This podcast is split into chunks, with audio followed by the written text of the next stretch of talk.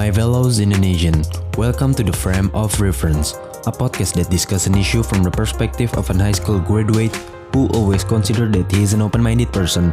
Each episode will have a different topic: daily life, friendship, love, anxiety, conspiracy, politics. Don't take it personal, no judging, just arguing. So stick around because I talk, you listen.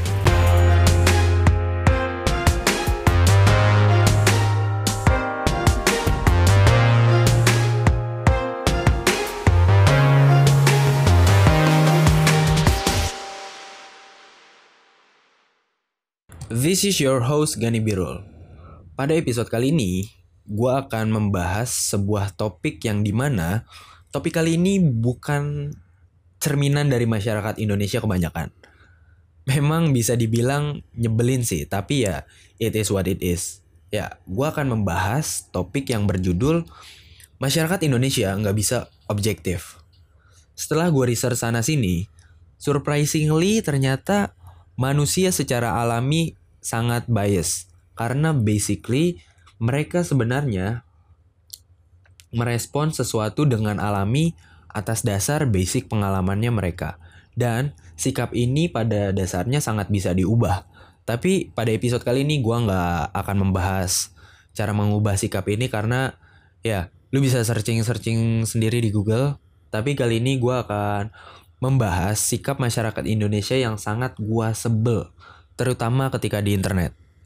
Gue nggak tahu ya sebenarnya apakah manusia eh apakah masyarakat Indonesia doang yang sangat-sangat merasa dirinya adalah makhluk yang paling benar ketika di internet atau gimana gue juga nggak paham sebenarnya.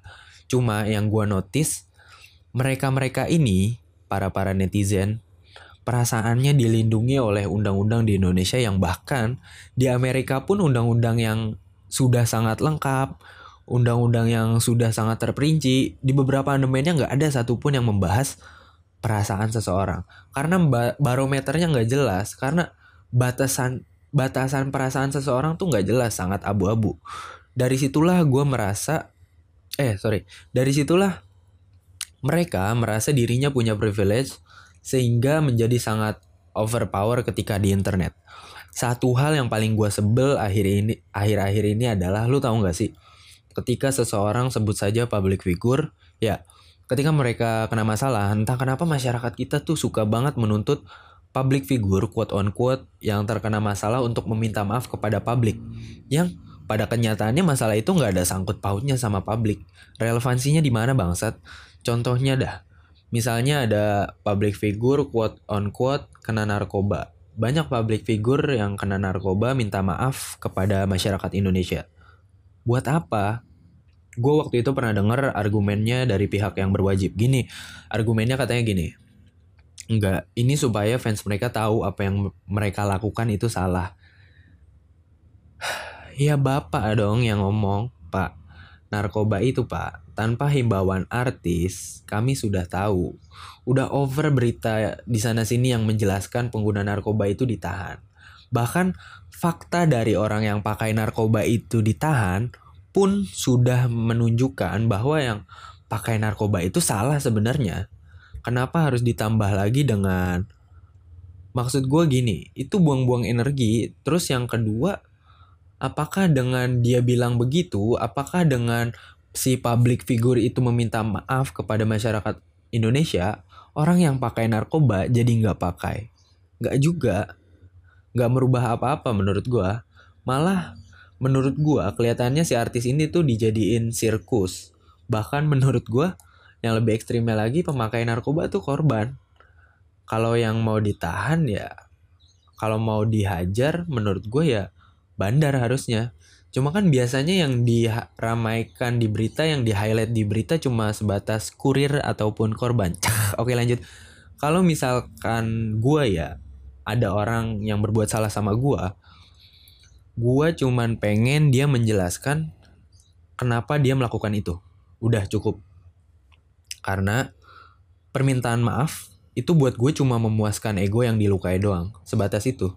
Dan belum tentu yang dilukai itu bener juga lu ngerti gak sih maksud gue waktu itu gue nonton di YouTube ini um, menurut mental health counselor. Kenapa kita cenderung suka ketika orang lain minta maaf sama kita? Intinya, ternyata secara umum manu manusia tuh suka bener atau bisa dibilang suka menjadi benar, bukan mencari kebenaran.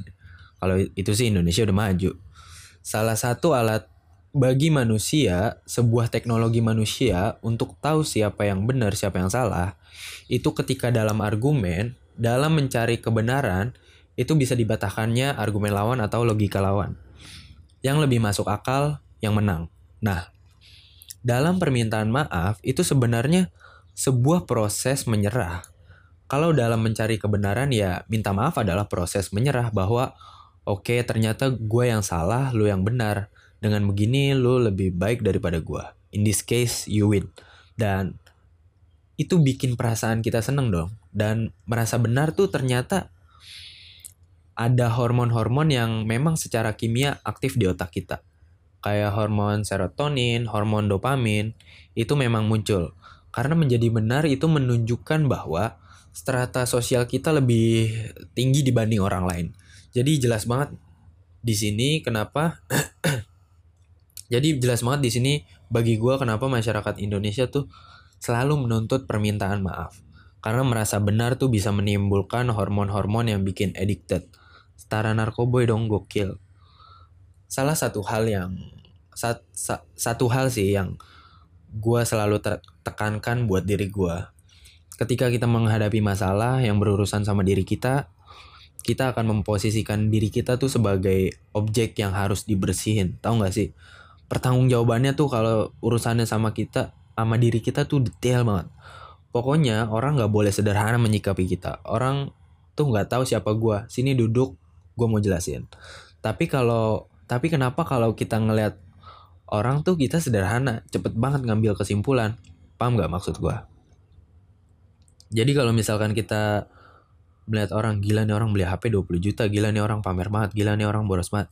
Maksud gue gini, mungkin iya dia pamer, mungkin iya dia boros, tapi alangkah baiknya kita nggak sederhana menyikapi orang lain sebagaimana kita. Kita nggak mau disikap disikapin begitu, kan? kalau kita ngejelasin diri kita detail banget, tapi kenapa kalau ngomongin orang ambil jalan pintas? Jadi dari situ sih gue uh, apa namanya belajar objektif. Mungkin itu aja sih keresahan gue tentang masyarakat Indonesia yang gak bisa objektif. Buat yang belum follow IG gue, boleh follow di @ganibirul dan thank you banget yang udah buat dengerin podcast gue di episode kali ini. Uh, sampai bertemu di episode berikutnya dengan topik-topik yang lebih menarik. Thank you. God bless Indonesia.